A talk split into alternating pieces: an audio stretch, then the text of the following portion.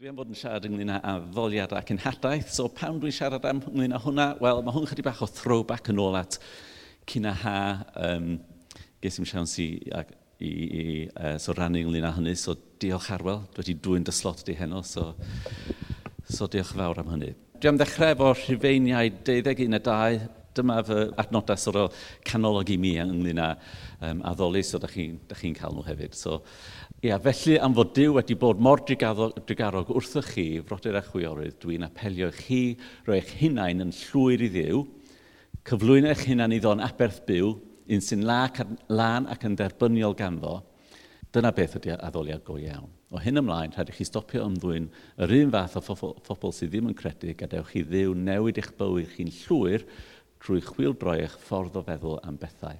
Byddwch yn gwybod wedyn be mae Dyw eisiau ac yn gweld fod hynny'n dda ac yn blesio fe a, dyna, a mae dyna yr peth iawn i wneud. So mae hwnna jyst yn anogi ni i fyw fel aberth byw achos dyna ein addoliad. A mae hynny'n uh, cynnwys hefyd ein addoliad canu a fel cynulleidfa hefyd. A mae hynny hefyd yn wir yng nghyd-destun cenhadaeth, a dwi'n gobeithio fydd hyn yn gwneud synwyr fel dwi'n mynd ymlaen. So dwi am uh, wario chydig amser yn, yr, uh, yn y stori yma o Iesu yn um, Iwan 4. Um, so mae'n ddarn reit hir, ond nawn ni ddarllen o uh, efo'n gilydd, a wedyn fydd yr darna, gobeithio fydd y darna lliw yn, yn neud synwyr fel dwi'n dod ymlaen, fel fel dyn ni'n mynd ymlaen. A sori mae'r sgwennu braidd yn fach, ond dyma ni. Okay. So, wrth, uh, roedd Iesu yn eistedd wrth ffynon Jacob canol dydd, a daeth rai, graig yna i godi dŵr. Samariaid oedd y raig, a gyfynodd Iesu iddi, gai ddiod gen ti? Roedd ei ddisgyblion wedi mynd i'r dre i brynu bwyd. Iddew wyt ti, meddwl raig. Sut allu di ofyn i mi am ddiod? Dwi'n raig o Samaria. Y rheswm pan wnaeth i uh, ymateb fel yna oedd fod i ddewon fel arfer yn gwrthod defnyddio'r un llestri a Samariaid.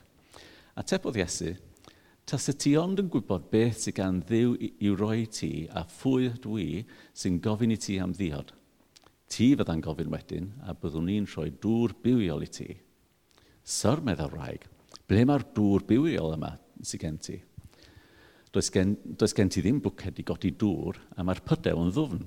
Wyt ti'n meddwl dy fod di'n fwy na'n tad ni, Jacob? Jacob roddodd y pydew i ni. Bydd e'n yfad drwr yma a'i feibion hefyd a'i anifeiliad. A tapodd Iesu, bydd syched eto ar bawb sy'n yfed y dŵr yma, ond fydd byth dim syched ar y rhai sy'n yfed y dŵr dwi'n ei roi.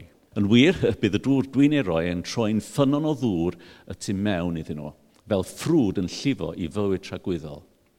Meddaw rai gwrtho, Syr, rho beth o'r dŵr hwnnw i mi, Fydd dim syched arna i wedyn, a fydd dim rhaid i mi ddal ati i ddod yma i nôl y dŵr. Yna dwedodd Iesu wrthi, dos i nôl dy ŵr, a'r thyrd yn ôl yma wedyn, does gen i ddim gŵr, meddwl rhaeg. Ti'n iawn, meddwl Iesu wrthi. Does gen ti ddim gŵr, y gwir ydy, uh, dy fod wedi cael pimp o wir, a ti ddim yn briod i'r dyn sy'n byw gyda ti bellach. Ti wedi dweud y gwir. Dwi'n gweld y fod i'n broffwyd, syr, meddwl rhaeg.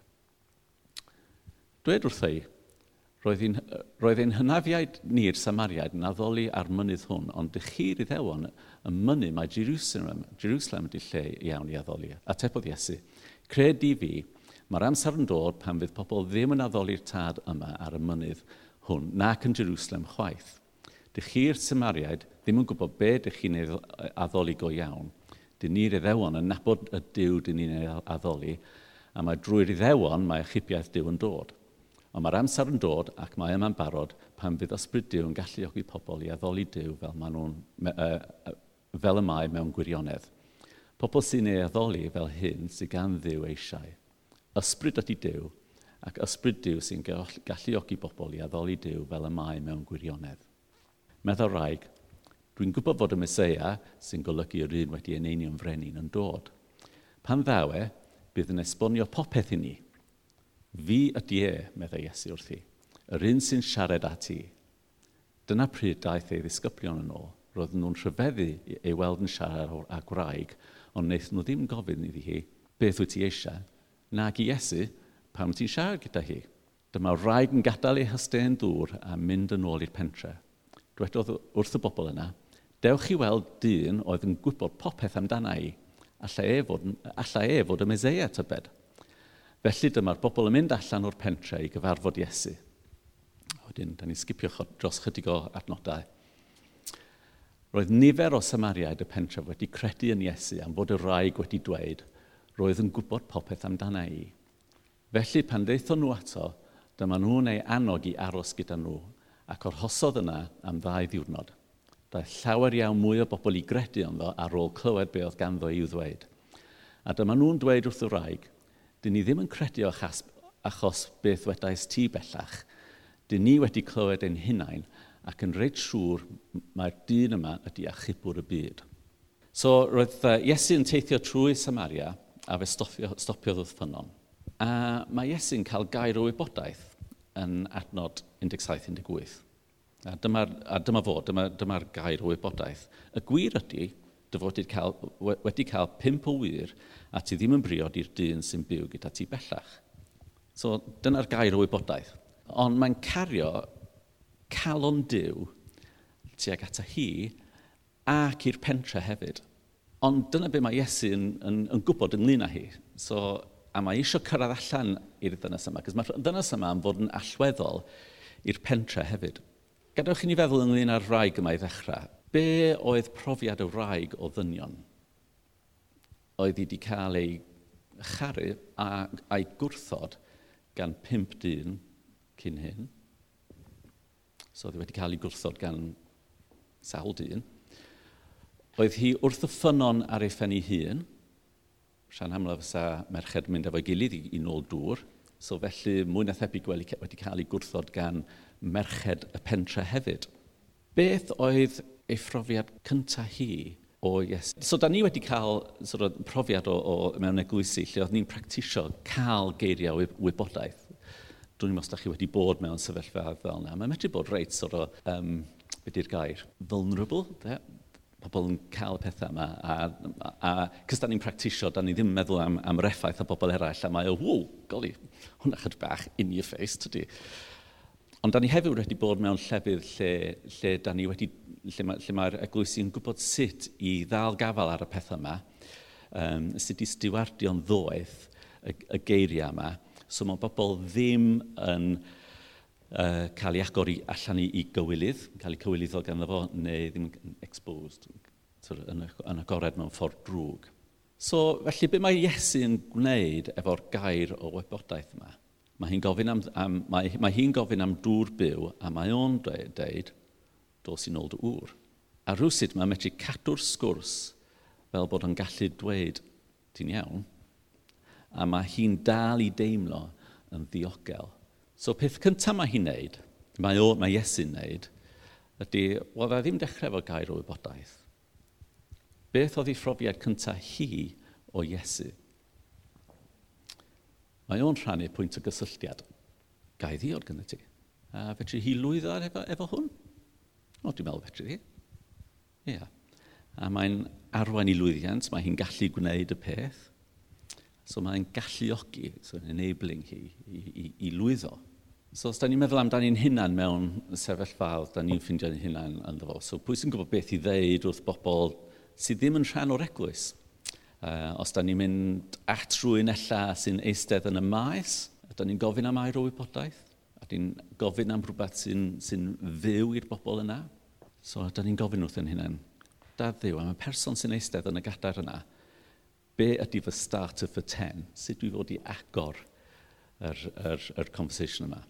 Os addoliad ydy ni'n byw fel aberth byw, mae hynny'n golygu pob e-, eiliad, pob foment o bob diwrnod, da ni'n gofyn am ei gariad, gariad, ei gwestiwn i ddechrau, start of the ten, um, ei gyfle fo i bob un da ni'n cyfarfod lwyddo, so oedd Iesu yn llawn o starters fy ten efo cwestiynau oedd yn neu comments oedd yn agor pethau fyny. So, un arall oedd, hei Zachais, dwi'n dod i, i dy dyd i gael te. Mae bron syrthio allan o'r, or goedan, dwi'n siŵr. Um, neu un arall, pwy gyffyrddodd fi? Ie, oedd yno oedd wedi bod yn gweithio am, am flynyddoedd. Dwi'n siŵr fedrwn ni feddwl am rhai eraill hefyd. Oedd y hyd yn, yn, yn neud y cysylltiad yna, oedd o ddim jyst yn unload beth bynnag oedd gynno fo yna. Fel enghraifft o, o, o, o sut mae hwn medru gweithio, mae ffia fi na, wel, da ni wedi bod yn briodes rhai blynyddoedd rwan, 28 dwi'n meddwl, um, a dwi dal yn syni, faint o weithiau, mae ffi yn syni hefyd, ond dwi rili really syni, faint, o, faint um, sut mae pobl yn rhannu eu bywydau efo ffi. A, a wedyn mae nhw'n deud, wel, dwi roed wedi deud hynny, wrth neb arall o blaen. A mae'n digwydd tro ar ôl tro. So, mae'n amazing, mae ffin amazing fel yna. So, anyway, rhai misoedd yn ôl, oedd ni yn aros am dren y Mangor, oedd ni yn y, yn y waiting room, a naeth fi ddechrau sgwrsio efo dynas. Cyn hir, actually, o fewn cwpl o frawddegau, um, oedd hi'n uh, rhannu efo fi uh, ynglyn â'i breuddwyd hi o fod yn ofalwr maeth, foster carer a sut oedd hi ddim yn meddwl fysa'i'n bosib i fi fod, uh, iddi wneud hynny am fod hi'n sengl. Oedd ffi yn gallu anogi hi, ei chalanogi hi ac i adfer ail danio ei breuddwyd hi, i adfer hi at pwy ydy hi. Dwi'n hynny'n synwyr. So, ail gynnar y breuddwyd yma oedd i edrych ar ôl plant yn, yn ei thu hi. Ac i sort o ddod â hwnna nôl iddi. A mae hwn yn foment diw So mae'n god moment lle mae'r ddynas yma yn cael ei adfer yn ôl i'w hunaniaeth hi. Ei ffordd mae Dyw wedi creu hi a'r gweledigaeth yna a'r, mae, mae Dyw wedi rhoi yn hi. okay, so os di rhywun eisiau dysgu ynglyn â sut i glywed geiriau, sut i, i o, o wybodaeth, y peth i wneud ydy gofyn wrth rhywun sydd, um, sy'n sy cael nhw. Mae ffin, dwi yn, i raddau llai, dwi'n tueddu teimlo pethau ym fy nghorff lle sy'n angen i, i, i achau. A mae hynny'n rhoi hyder i mi fedru um, credu fod Dyw eisiau cyffwrdd y person fel dwi'n uh, fel dwi'n gweddio efo nhw. Mae ffi yn cael rhai chydig bach o wahanol, mae nhw ynglyn â sort of backstory bobl, a mae hwnna'n yn, um, yn, yn, yn galluogi nhw ddod uh, uh, lle dwi'n meddwl rwan. Ia, so sy'n arwain iddyn nhw cael eu adfer yn ôl i'w gwir hunaniaeth nhw. So, mynd yn ôl at y stori, cafodd Iesu y gair o wybodaeth ac yn gofyn y cwestiwn sy'n dat, uh, sy datgloio iddi hi. Mae hefyd yn cael gair proffwydol iddi. Dyma fo. Fes ti'n gwybod pwy ydw i. Yeah? A fel fedrwch chi'n gweld, o'i ymateb hi, mae'n hollol intrig. Mae'r ymateb, os da chi'n cofio stori ar, o pan dda ni ddarllen y darlleniad i gyd, does gyda hi ddim syniad be mae Iesu'n siarad amdano fo nagos. Mae, mae ffia fi na wedi derbyn geiriau proffwydol gan bobl, a weithiau, weithiau, anaml iawn, maen nhw'n gwneud synwyr yn syth. Ond weithiau rhaid i ni kind of reslo efo nhw a, wel, be mae hynny'n feddwl? A, a, a, sut mae hwnna'n ffitio mewn i beth ni'n wybod o Dyw a, a, a, a trio cael tynnu o'i gilydd i, i, i weld os di os di gan ddew ac os di i ni a sut mae'n ffitio mewn. A mae pobl proffwydol yn gweld yn ysbrydol sy'n meddwl maen nhw ddim gweld cweith fel dyn ni, so dyn ni gofod reslo fo i, i, i, i drio dall o. Ond beth sy'n yna ydy'r mae'r bywyd da ni'n glywed yn fo yn tynnu ni mlaen i drio i drio ddallt o. A dyna beth ni'n weld efo'r efo rhaeg yma. Mae hi ddim yn deall y gair, fel fe ti'n ei ddeud, mae'n just doesn't get it. Ond mae hi'n dall fod na, fod na, um, fod na fywyd ynddo fo. Mae yna rhywbeth mae hi isio um, ynddo fo, allan ohono fo. A pa mae'n deud, wel, dwi'n gweld fod i'n broffwyd, beth mae'n rili really deud ydy, hm, does gen i'n syniad beth be ti'n dweud. Ond Ond canlyniad hwn ydy um, fod llawer o Samariaid yn credu. Mae'n aros yn amddeudydd, a mae nifer o'r pentre yn ddod i gredu. Da ni ddim yn gwybod faint o'r pentre sy'n dod i gredu, mae'n dweud llawer fa yma. A ie, yeah, so dyna canlyniad y, y, y, y stori yma. Trwy'r un sort of interaction allweddol yma, proffwydol, um, supernatural, rhywbeth chi ddweud, mae, na, mae hwnna'n agor allan i mewn i'r pentre yma, lot o'r pentre yma yn dod i gredu yn Iesu. So pam, beth sydd gan hwnna i wneud efo addoliad? addoliad? Rhyfeiniad deuddeg eto, byddwch yn aberth byw.